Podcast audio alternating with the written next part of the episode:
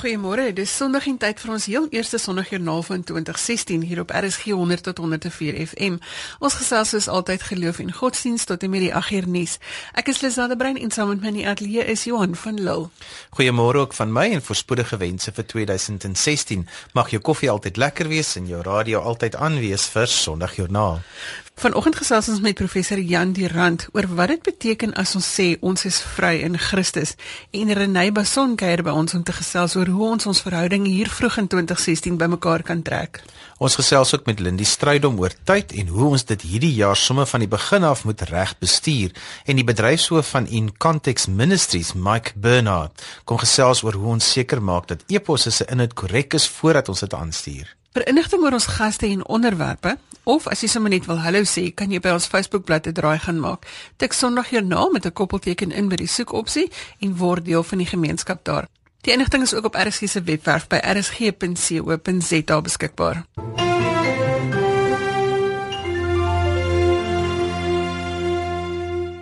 Professor Jan de Rand het 'n baie lang CV en lewer gereeld lesings oor Bybelse eskatologie en vanoggend gaan hy vir ons help om te verstaan wat dit beteken om vry te wees in Christus. Môre professor? Môre. Professor, kan ek sommer met die deur in die huis val en vra, hoe sal ons verduidelik dat gelowiges en nie-gelowiges sal verstaan dat geloof 'n mens vrymaak? Ek dink elke mens is op pad na 'n sekere bestemming en al wat ons kan sê is hierdie op pad wees is onder konstruksie en daarom moet ons so goed as moontlik in hierdie gebrokenheid moet ons probeer om as Christene te leef. Wat is die hart van alles? Want as ons dit kan bepaal, dan kan mens sê wat jy moet en wat jy nie moet doen nie. En ek het uitgekom by Romeine 5 vers 1 en by Paulus. En Paulus sê omdat ek vry is en 'n nuwe mens geword het, kan ek anders lief hê, kan ek anders glo, kan ek anders hoop sien ek my naaste ook anders raak. En dan beteken uh om werklik vry te wees dat jy twee dinge moet doen. Aan die een kant dat jy jou moet losmaak van 'n hele klomp lojaliteite.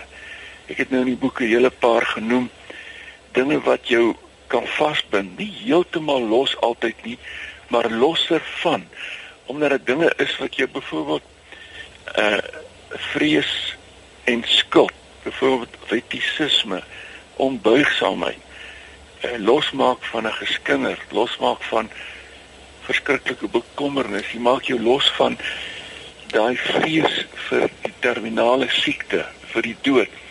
So die losmaak aan die een kant en dan aan die ander kant beteken dit dat jy jou weer moet vasbind aan 'n nuwe lojaliteite. En dis opwindend.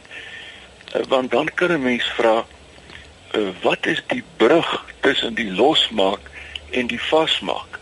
Kan ons gou vir 'n oomblik stil staan net eers by die losmaak. So met ander woorde losmaak beteken is jy gee 'n klomp goed af. Wanneer jy besluit en mens kan onderstreep dat Christelike geloof is 'n besluit jy kies om te glo.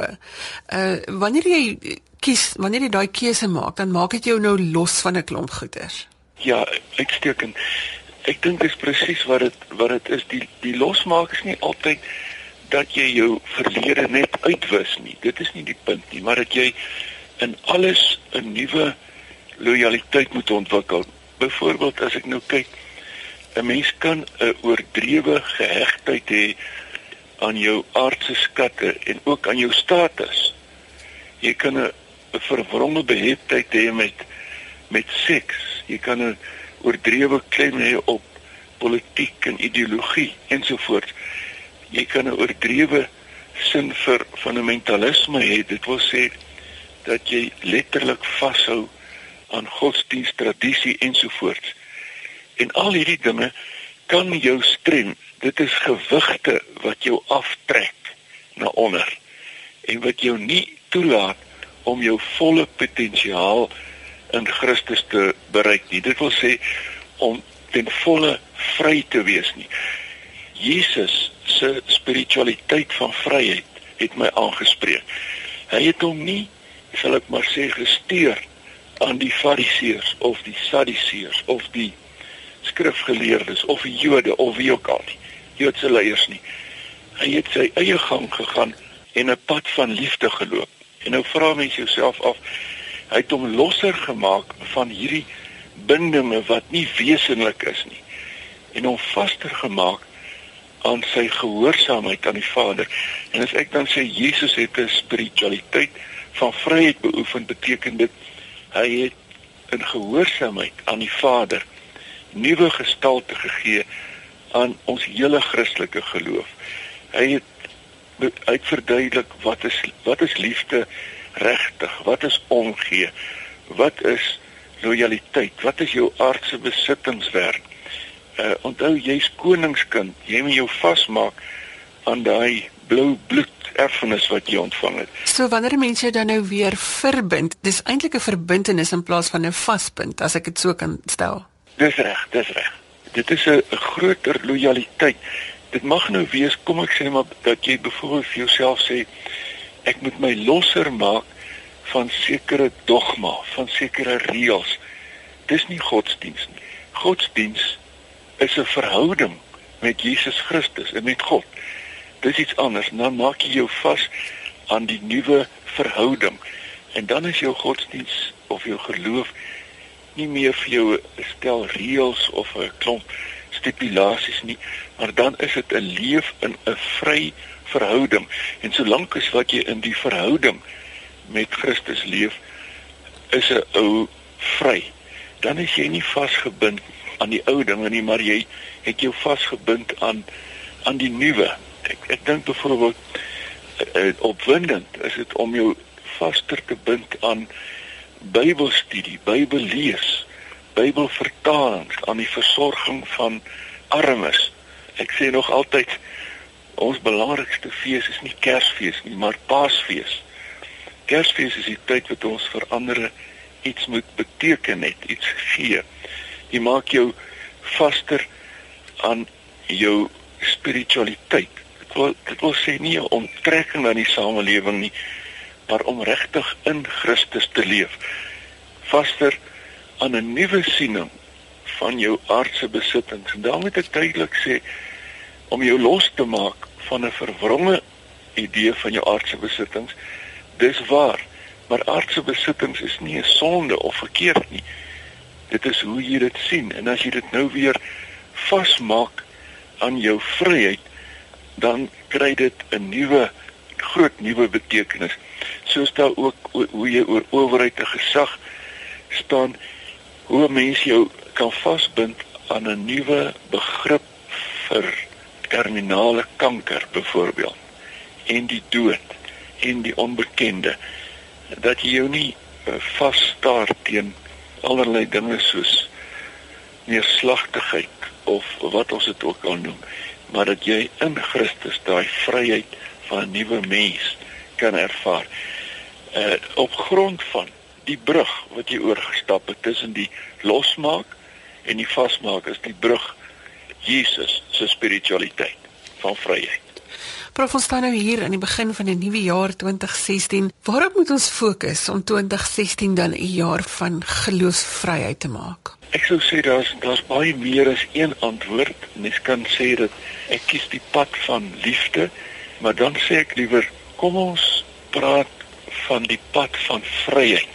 Dat ek vry is van al die negatiewe en dit dat ek my bind aan die positiewe. Dit wil sê dat ek die ego, die ek uit my verhaal sal haal of sal terugskuif na agter en dat ek die Jesus Christus na vore laat kom. En dan beteken dit dat ek in hierdie jaar uh, streef daarna om so vry te wees dat God sy doel met my lewe bereik. Ek dink dis die dis die belangrike dat 'n ou streef daarna dat God se doel nie vertroebel word deur my ego uh, gedagtes of ego optrede nie maar dat ek vasgebind aan Christus.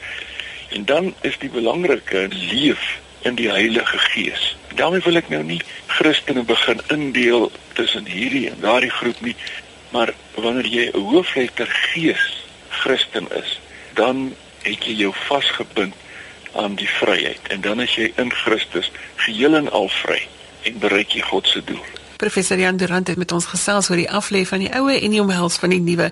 Dankie professor vir die saamgesels. Baie dankie.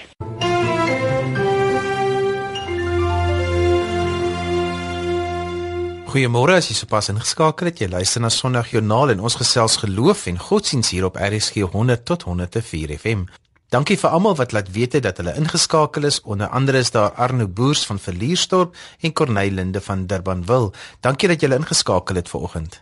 Ons voete is stewig geplant in 2016 en binnekort gaan die meeste van ons terugwees by die werk met 'n vol dagboek wat al ons aandag opeis. Lindy stryd om sluit vanoggend by ons aan om te gesels oor hoe ons die 24 uur in ons dag behoort in te rig om ons tyd optimaal te benut. Goeiemôre Lindy. Hallo Lisel, lekker om saam met jou te kuier so in die nuwe jaar. Lindy, dis dag 3 van 2016. Hoe belangrik is dit dat ons nou hier aan die begin van die jaar moet besluit wat ons met ons tyd gaan doen en hoe ons daarmee moet omgaan? Ek weet nie of jy al gehoor het nie Lisel, maar soveel mense sê, "Oeg, die jaar het met my weggehol. Waarheen is die dag? Waarheen is my tyd?"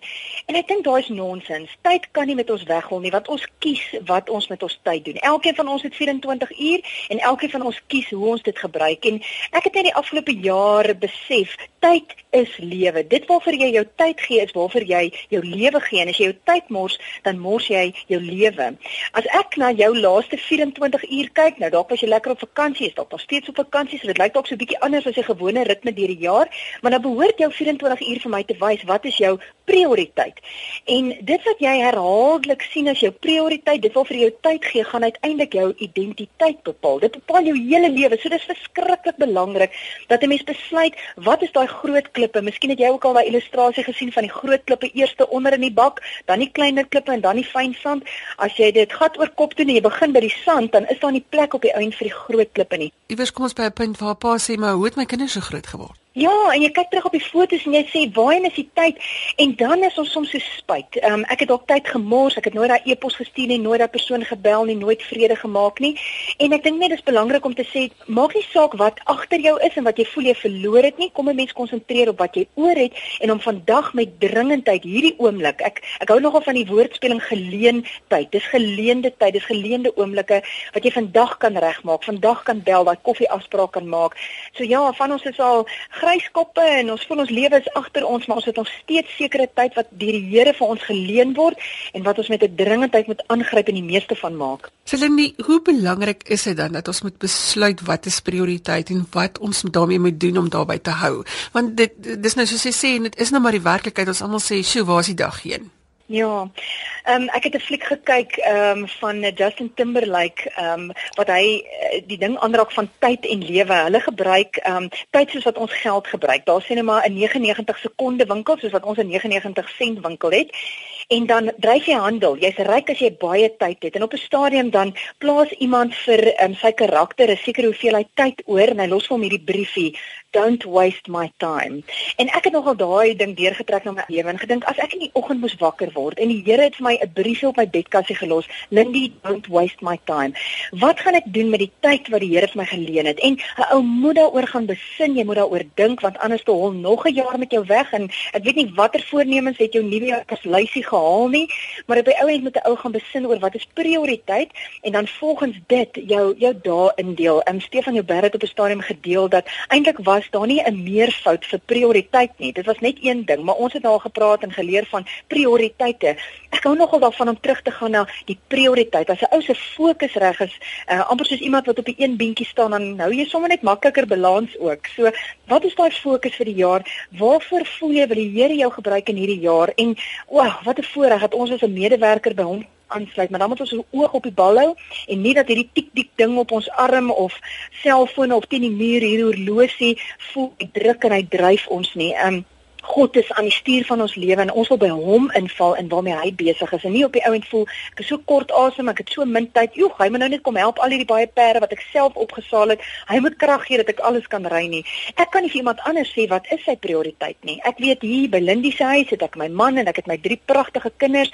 Ek het my werk en my my gemeente en my gemeenskap waar ek betrokke is. En en so begin ek van bo af en ek pak my prioriteite uit. Ek weet nie wat jy hanteer en wat hoe jy op jou vurk het nie maar elkeen van ons moet gaan besin in wat 'n wonderlike tyd eintlik voordat ons weer by die werk inval en die skool begin om te gaan besin en te dink. Ehm um, want anderste gaan jy aan die einde van jou lewe kom en dink, "Waar het die brander en die wind van die lewe my uitgespoel en uitgewaai? Ek het nooit my lewe gegee vir wat ek gedink het my eintlike prioriteit is nie." Elkeen van ons moet gaan kies en ons moet as prins kies, ons moet intentioneel kies. Kom ons raak gou-gou 'n bietjie prakties. Hoe maak jy om jou prioriteite op te stel? Maak jy 'n lysie? Ek is 'n lysie mens, so ek wil van 1 tot 3, maar nou weet ons ook hy nuwejaarslysie lê daar en as ek hierdie naam kyk en dink ek, o, gits, ek het nou nog nie eers by nommer 1 begin nie. Ehm um, hoe werk jy met prakties hierdie prioriteite voorop te stel en nie daarvan te vergeet as ons nou hier by week 4 kom nie? Herhaling herhaling. Ek dink enige juffrou sal kan sê in die klaskamer herhaling. So dit is om gereeld te hersien en te kyk. Ek is verseker ook 'n lysie mens. Ek het myself lank gekruisig omdat ek in die oggend sal opstaan vir my stilte tyd en dan by my kop begin lysies maak en ek dink nee jy moet nou heilig wees. Jy moet nou stilte tyd hê. En toe kom ek agter maar die Here is 'n praktiese God en dat wanneer ek die dinge uit my kop uit neerskryf daar op 'n lysie dan wat gevoel het na 100 dinge is eintlik net 3 dinge. En dan word die Here eintlik deel daarvan waar dit gevoel het soos hierdie een kant lewe ek is mos nou besig met stilte tyd. Dis een kant tyd, maar nou nou is dit regte lewe.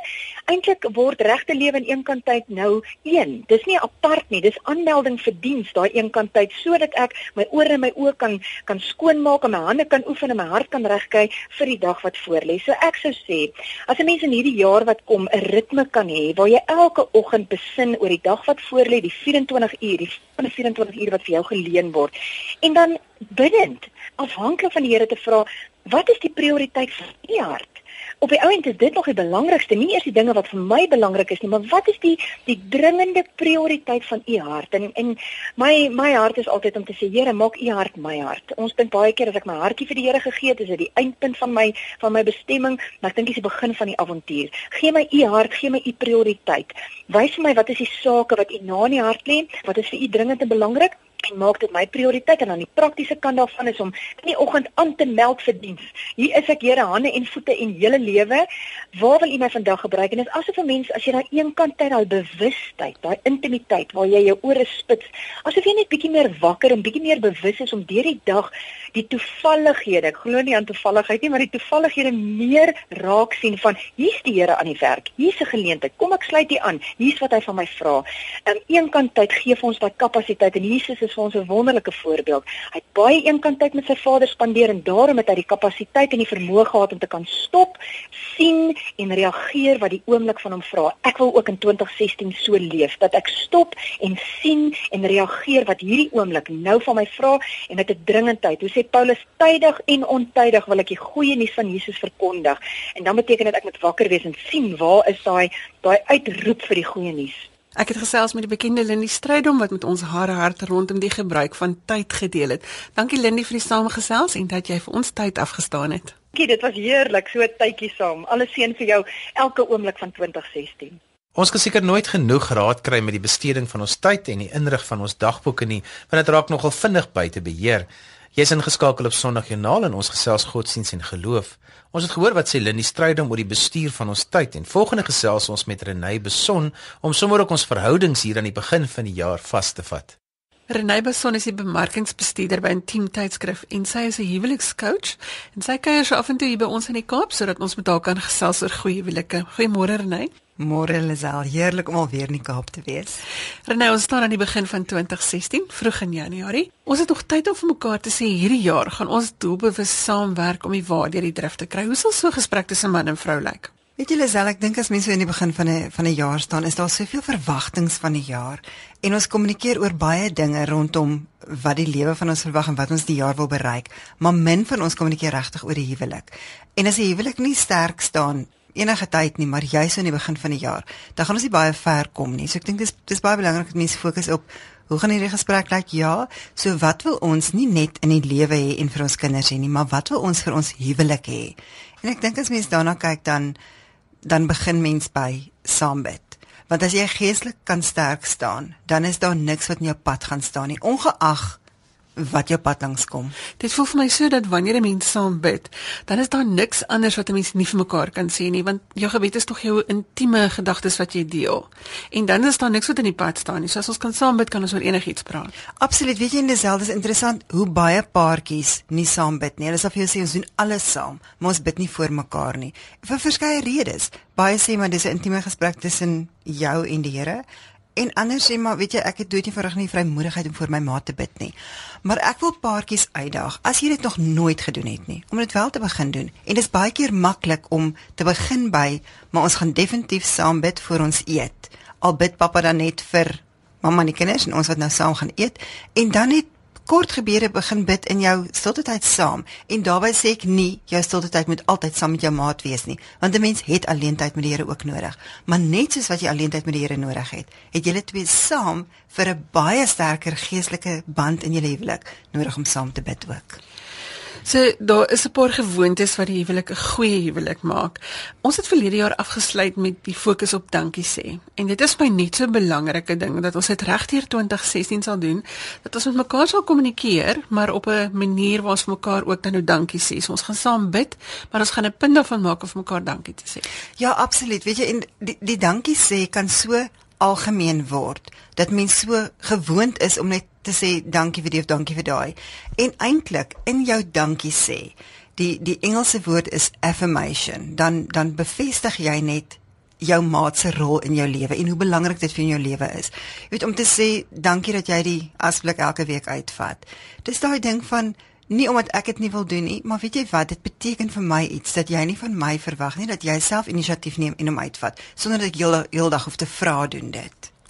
En jy kan dit sommer doen met 'n SMS dalk ook, nê? Nee. O, verseker. Kyk, dis mos nou daai lekker ding, jy hoef nie by mekaar te wees nie. En as jy goed kommunikeer by die huis, is dit soveel makliker om dan op so 'n manier ook te kommunikeer en dan is dit baie keer net 'n prentjie stuur, want 'n prentjie vertel 1000 woorde. So om net 'n hartjie te stuur weet jou maat presies wat jy wil sê. Maar dan moet ons ander kommunikasie in plek wees. Ek wil nou nie die woord kommunikasie gebruik. Dit voel vir my asof ons dit wil onderstreep om te sê kommunikeer met mekaar oggend, middag en aand. Dis die belangrike ding. Moenie by mekaar verbyleef nie. Hoe gaan ons dit regkry in 2016? Weet jy, ek dink as ons kyk na kommunikasie, moet ons dadelik sê kommunikasie gaan nie oor wat ek en jy net vir mekaar sê nie. Kommunikasie is so baie ander dinge. Dis juist daai SMS ook, dis net so sterk kommunikasie, maar ook die manier waarop jy met mekaar praat. So dis nie net die woorde wat gesê word nie, die manier waarop jy die woorde sê en dan ook fisiese kommunikasie. Daai net verby mekaar loop en net aan mekaar vat terwyl verby mekaar in gang loop. Ons het so gesprek al gehad om te sê as jy vanmiddag by die huis kom, voordat jy vir jou maat sê hoe aaklig jou dag by die werk was. Ja, jy het nodig om dit ook te kommunikeer in jou veilige ruimte by jou maat, maar net om vir 30 sekondes net in mekaar se arms te staan. Niks te sê nie, net daai, hier's my veilige hawe, hier wil ek wees. Hier is waar ek hoort. Net daai, dis ook kommunikasie. Woordelose kommunikasie net. Dis wat dit is. En dan vloei die die kommunikasie van praat baie makliker. En nou weet ons as ons nou by Februarie kom is ons nou klaar kwaad vir mekaar. Dis belangrik dat ons onderstreep dat jy hierdie goed miskien dalk moet neerskryf dat ons dit 'n paar reëls gaan maak want teen Februarie en Maart en die kinders en die kos en die skool en werk vergeet ons hierdie klein goedjies maar dit is tog hierdie klein goedjies wat ons by Desember gaan uitbring. Nee verseker en eh, terwyl mense nou daarvan praat nê nee, om pertinente goeders neer te skryf en dan amper se soos 'n tiklysie te hê om te sê maar het ons hierdie week dit gedoen want sodra jy in die gewoonte is om dit dan nou wel te doen en jy meer regtig beter word daarmee omdat jy jouself dopgehou het word dit makliker soos die jaar aangaan. Elke jaar is 'n uitdaging en hoe later ons in die jaar kom hoe hoe erger raak dit. Maar as jy daai lysie in plek het om te weet maar ons is in ons huwelik veilig. En een van daai goeders is byvoorbeeld dat jy 'n veilige ruimte sal bied waarin jou maat kan groei. Ook ons almal groei elke jaar, maar is die ruimte wat jy vir jou maat bied veilig om in te groei? En as ons dan nou praat van tipies veilige ruimte om in te groei, met ander woorde, ons kan foute maak, maar hier is ek veilig. Ek gaan nie veroordeel word vir my foute wat ek maak nie. En ons bied vir mekaar die veilige ruimte. Net so moet ons 'n veilige ruimte vir mekaar ook skep om met mekaar te kommunikeer. En as dinge gehoor gaan en as ek nou nie lekker voel nie en vir jou kwaad is, moet ek veilig voel om vir jou te sê waarom dat ons dit uit die weg kan ruim. En weet jy dis my so belangrik in 'n huwelik dat mense sal verstaan wanneer daar konflik in 'n huwelik is of wanneer ons verskil van mekaar, beteken dit glad nie ons staan in vyandskap met mekaar nie. Inteendeel, as ons kan verskil in 'n veilige ruimte, beteken dit ons het verskillende sieninge van 'n ding, maar weet jy wat? In ons harte staan ons twee net so sterk saam teen dit wat ons huwelik dalk mag bedreig of teen dit wat wat potensieel vir ons 'n krisis kan word. Ons staan saam daarteenoor. Ons is nie in vyandskap nie, al verskil ons van mekaar. Ons mag verskil, ons is individue. Eintlik wonder ek hoe kry mense dit reg om daai veilige ruimte te skep? Sien nou maar ek wil nou vanmiddag my hart met jou deel, maar jy was nou besig en jy's nou nie regtig ingestel nie en jy's nie op dieselfde plek waar ek is nie en nou gaan ek my hart deel en dan gaan jy kort af wees met my en dan gaan ek verwerp voel. Die een ding lei mos altyd tot 'n ander. Is daar 'n manier hoe ons kan seker maak dat dit regtig 'n veilige ruimte is? Hoe wat sê ons vir mekaar? As ons daai gesprek vroeg in die jaar het om te sê kom ons kyk hierdie jaar om anders te kommunikeer met mekaar. Kom ons het twee maniere van kommunikeer. Ons het daai enetjie van vir jou net vertel my dag was en net 'n algemene gesprek te hê tussen ons by die huis. Dis een een tipe manier van kommunikeer. Die ander enetjie is dit wat ek wil hê jy moet van my hoor. Maar dit kan ek nie enige tyd met jou kommunikeer nie. So om vir jou te sê, ek wil graag met jou praat oor iets wat wat op my hart is, maar ek verstaan ook jy gaan nie noodwendig nou luister nie. So kan ons oor 'n halfuur van nou af wanneer jy net voel jy is nou ordentlik veilig by die huis en jy het al 'n koppie koffie gehad, kan ons dan daaroor gesels. Maar dan wil ek ook weet, as ek dan met jou praat, gaan jy nie na my luister om te reageer nie. Jy gaan luister om my hart te hoor hierin. So jy gaan vir my tyd gee om klaar te praat. Maar as ek dan nou die tyd gehad het om klaar te praat, is dit net regverdig om vir my maat dan die tyd te gee om ook dan nou 'n inset te lewer sou hy of sy wou. Sien noodwendig dat ek wil antwoord op op wat jy gesê het nie, maar ek wil dalk net vir jou sê, weet jy, goed, ek hoor jou, maar kan nie nou met jou terugkommunikeer nie. Ek moet eers bietjie dink daaroor.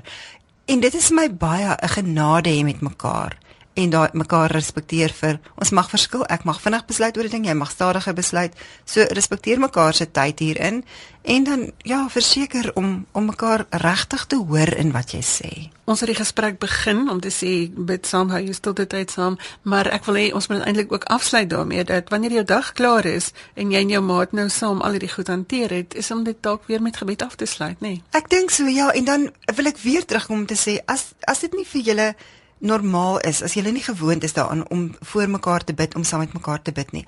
Hou dit dan kort. Al is dit dan in die begin net om te sê, Here, dankie dat ons nog 'n dag getroud kon wees.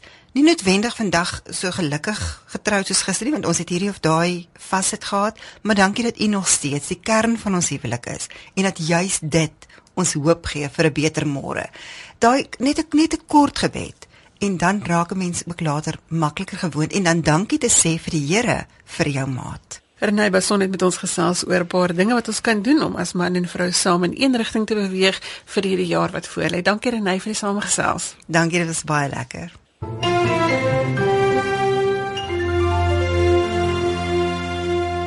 Jy luister na Sondag Joernaal net hier op RSG 100 tot 104 FM en wêreldwyd by rsg.co.za. Jy kan ook inskakel op DStv se audiokanaal 913. Ons volgende gas hier in die ateljee is Mike Bernard van In Context Ministries.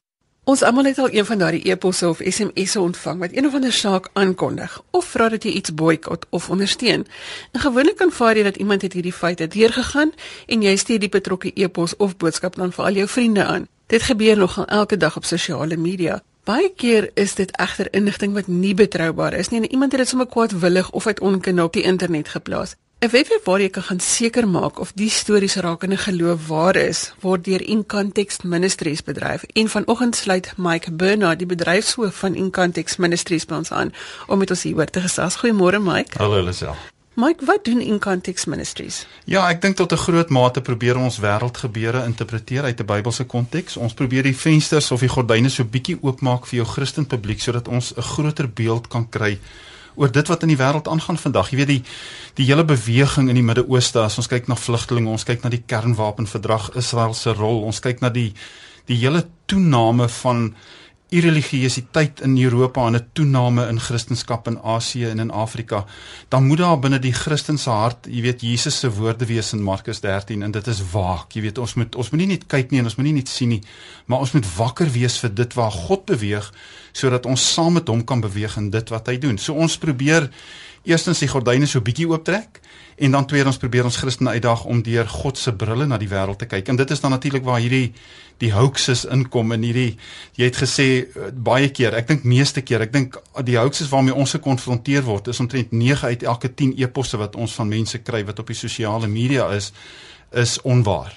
Ja, want van nature is ons nie ingestel om mense te wantrou nie. Ja. Ons vertrou is as 'n vriend jou iets aangestuur het dat dat hy dalk nou seker gemaak het hierdie goeders is reg en dan stuur ons dit net aan. Dis een van ons grootste frustrasies is hierdie eposse wat die rondte doen en hulle is nie almal noodwendig hoaxes of vals nie. Baie van hulle is net heeltemal oud. As jy kyk na die Queragosh epos wat gereeld die rondte doen, bedringend vir Malone, jy weet in in Queragosh in Irak want die kinders word doodgemaak. Dit was al Augustus in 2014 gewees en omdat hy nie 'n datum by het nie, kry ons hom en ons stuur hom aan. Die die hele as ons kyk na die die post wat die anti-kris is en jy weet hy het nou 'n nuwe 10 gebooie saamgestel. Dis eintlik lagwekkend, maar dit is verstommend hoe liggelowig mense is en as jy dit kry in die naam van Jesus dan dink jy dis waar en dis vals. Dit is net nie waar nie. Die gevaar is dat daar 'n halwe waarheid in of alles lyk asof dit waar Precies. kan wees want ons lees al hierdie goeders en ja dit is so die paus het dit gesê of hy het dit gesê Ja. so dit maak heeltemal sin maar totaal buite konteks en dis juist hoekom ons naam in konteks is. Ons probeer na na hierdie gerugte, ons probeer na wêreldgebeure presies binne 'n Bybelse konteks kry. Ons het 'n ten volle toegeruste navorsingsspan wat elke hoax wat op ons tafel kom word nagevors. Ons kry die feite agter die storie. Die hele Petrus wil is nou, jy weet, ISIS se nuwe opleidingsgrond, daai tipe ding. Ons probeer sy ontstaan identifiseer. So ek wil regtig vir vir die luisteraars aanmoedig, kontak ons. Ehm um, gaan na ons webwerf toe. Ons het 'n hele blad op ons webwerf wat ons noem Hoaxology en daar wil kyk ons feitelik na elkeen van hierdie hoaxes en spreek dit aan sodat ons as Christene strategies, effektief en in waarheid kan bid en betrokke raak. So elkeen van hierdie dinge is dit belangrik dat jy eers gaan seker maak voordat jy dit aanstuur Absoluut. want jy is verantwoordelik ons moet verantwoordelik optree vir die boodskap wat ons uitdra Ja, die Engelse woord is um gullible, nê, nee, en die die Afrikaanse woord is liggelowig en dis my baie mooi Afrikaanse woord. Ons is te liggelowig. Ons glo skrif. Um vir wat dit is, maar ons kan nie net elke berig wat op 'n uh, SMS of 'n WhatsApp of op sosiale media na ons toe kom glo nie. Selfs al word dit deur 'n betroubare Christen uitgestuur, moet ons eers die feite verifieer. Dit is tog ons taak as Christene. Maar ons het nou so 'n bietjie verwys na die vlugteling kwessie in ja. Europa. Ehm um, daar's ook ehm um, stories dat dit hier in Suid-Afrika dat hulle grond hier het waar hulle mense voorberei. Hoe moet ons dink oor hierdie hele vlugteling ding? Deur God se brille moet ons na wêreldgebeure kyk. Deur God se brille moet ons na ons eie land kyk. En ons moet weet en ons moet glo God is nog in beheer. En God het 'n meesterplan. God is 'n strateeg. Ons sien dit in die Bybel. Jesus was 'n strateeg. Ons sien die konings en die en die profete was strategies in hulle denke want God werk met 'n plan. En Lisel, weet jy, ons kan as Christene kan ons kyk na die gevaar of ons kyk na die geleentheid. En as ons kyk na Europa vandag, dan sien ons die grootste geleentheid van ons generasie om mense met die evangelie te bereik soos nog nooit tevore nie. En en ek is in alle eerlikheid redelik moeg vir Christene wat net kla en net jy weet die duiwel agter elke bos wil uitskop. Natuurlik is daar die realiteite dat dat IS en Abu Bakr al-Baghdadi en al hierdie manne van hulle mense ook sal wil oorstuur Europa toe. Maar as dit een uit elke 100 is, kan ons nie 99 vlugtelinge wat kom soek na menslikheid, na menswaardigheid in Europa. En waar gaan soek hulle? Hulle gaan soek in Christen Europa na 'n antwoord. Mense wat met hulle lewe vlug. Daar is hoop. Daar is geleenthede en as ons as kerk nie hierdie geleenthede aangryp nie, gaan ons dit verloor. Want dit is dalk die eerste keer waar hulle van Christus gaan hoor. Ja, dit verseker. Ek kan ek kan vir jou vertel, een van my kollegas was nou die dag in in die noorde van Irak in Koerdistan gewees. Klein gemeentetjie, um, hulle hulle sê daar so 24 lidmate was daar, maar toe IS toe ISIS inbeweeg het, het 19 van daai lidmate uitgevlug Europa toe. En my aanvanklike reaksie was, "Sjoe, dis hartseer want nou die kerk gekrimp." En sy antwoord was, "Nee my broer, die goeie nuus is dit, is dat elkeen van daai wat uitgevlug het, het 'n kerkie gaan begin onder die vlugtelinge in Europa." So weet jy Lisel, as jy na die vroeë kerk kyk, het die kerk ontstaan deur vlugtelinge. Um, Jesus self was 'n vlugteling gewees. So die die rol van vlugteling binne die kerk se geskiedenis is dramaties belangrik. En ons sien miskien is die vlugtelinge Europa toe God se redding vir 'n sekulêre Europa. Ons hoor eintlik net die slegte goed Ja. in die media. Die media berig net oor die moord en die koppe afkap Ja. en die kinders wat gewere dra. Ons moet eintlik gaan soek vir die stories wat dan die die goeie nuus oordra, nê, nee, van hierdie saak soos wat jy dit nou onderstreep. Die die belangrike ding is om deur God se brille te kyk en te, om te verstaan dat in alles wat gebeur is God besig om mense na hom toe te trek te midde van die pyn en die hartseer en ek wil dit nie minimaliseer nie. Daar is definitief 'n groot stuk pyn. Die kerk is onder geweldige aanslag in die Midde-Ooste en Noord-Afrika en dit is die kerk in Suid-Afrika se plig om dringend en intensief te bid vir die kerk daar. Maar terselfdertyd gebruik God hierdie soos in Handelinge 8 waar die kerk vervolg is, die kerk versprei is en die kerk geplant is. En ons moet verstaan God werk met 'n plan. Daar is daar is geleenthede vir die kerk in hierdie tyd soos nog nooit tevore nie. Mike, wat sal jou raad wees? Ons kan tog so um akkommoderend wees as Christene. Ja. En ons lees nou ook in die media dat die mense eis nou dat byvoorbeeld kom ons sê net maar die bierfees afgestel word of wat ook al of dat 'n uh, 'n moskee gebou word. Ons moet tog ook opstaan as Christene en sê hier doen ons dinge so. Die wêreld is op soek na mense wat nie net opinies het nie, maar oortuigings het. En ek dink in 'n tyd soos waarin ons nou lewe, kan die kerk, maar dis baie belangrik met liefde. Jy weet ons ons fokus baie keer so op die waarheid, maar te midde van die waarheid en ons oortuigings moet daar 'n stuk liefde oorgedra word want want Jesus was tog bekend as die vader van ontferming.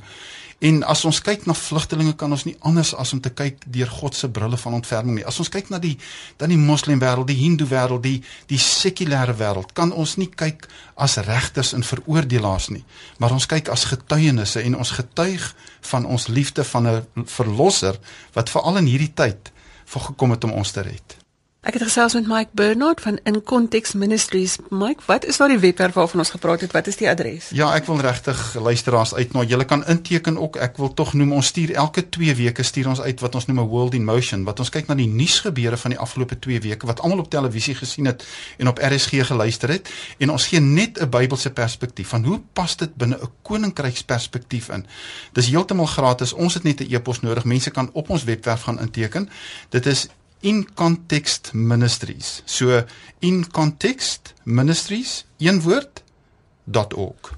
Ek gaan dit net herhaal dis in context die Engels i n c o n t e x t ministries.org so as jy inligting nodig het of daar 'n e-pos wat jy wil instuur waar of nie waar is nie sit hom in elk geval dalk maar eerder in jou weggooi boks as in jou inbox voordat jy hom aanstuur. Maar daar kan jy gaan kyk of dinge reg en waar is voordat jy hom aanstuur. Mike, baie dankie dat jy vanoggend hierdie inligting met ons gedeel het. Dankie vir die voorreg, Lisel. En so gesels Lisel met Mike Bernard.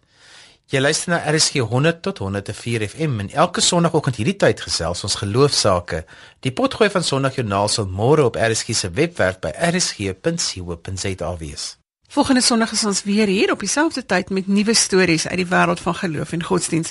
Stuur gerus vir my 'n e-pos as jy jou storie met ons wil deel. My e-posadres is lizel l i z e l l e by www.media, dis www en dan media m e d i a. Ek gaan dit weer herhaal, dis lizel l i z e l l e by www.media Ons gaste vanoggend was professor Jan Durant, huwelikscoach Renay Bason, Lenny Strydom en die bedryfshoof van In Context Ministries, Mike Bernard. Ek groet ook namens produksieregisseur Neil Roo agter die kontroles met die musiek van Casting Crowns.